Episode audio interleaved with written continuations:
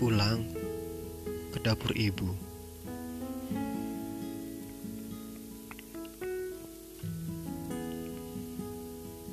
Aku hidup di antara orang-orang yang memilih melakukan usaha lebih keras untuk menyakiti orang lain daripada menolong diri sendiri.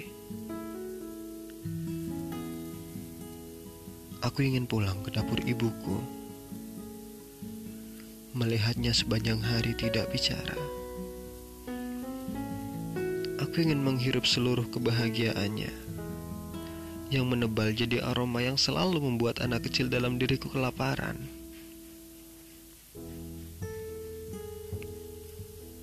Aku ingin hidup dan diam bersama ibuku.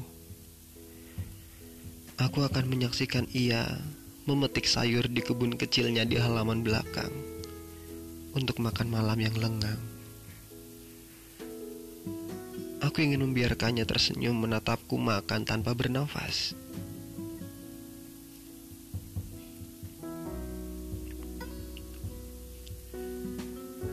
Aku ingin melihat ibuku tetap muda dan mudah tersenyum.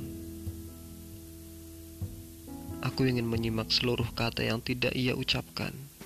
Aku ingin hari-harinya sibuk menebak siapa yang membuatku tiba-tiba suka bernyanyi di kamar mandi.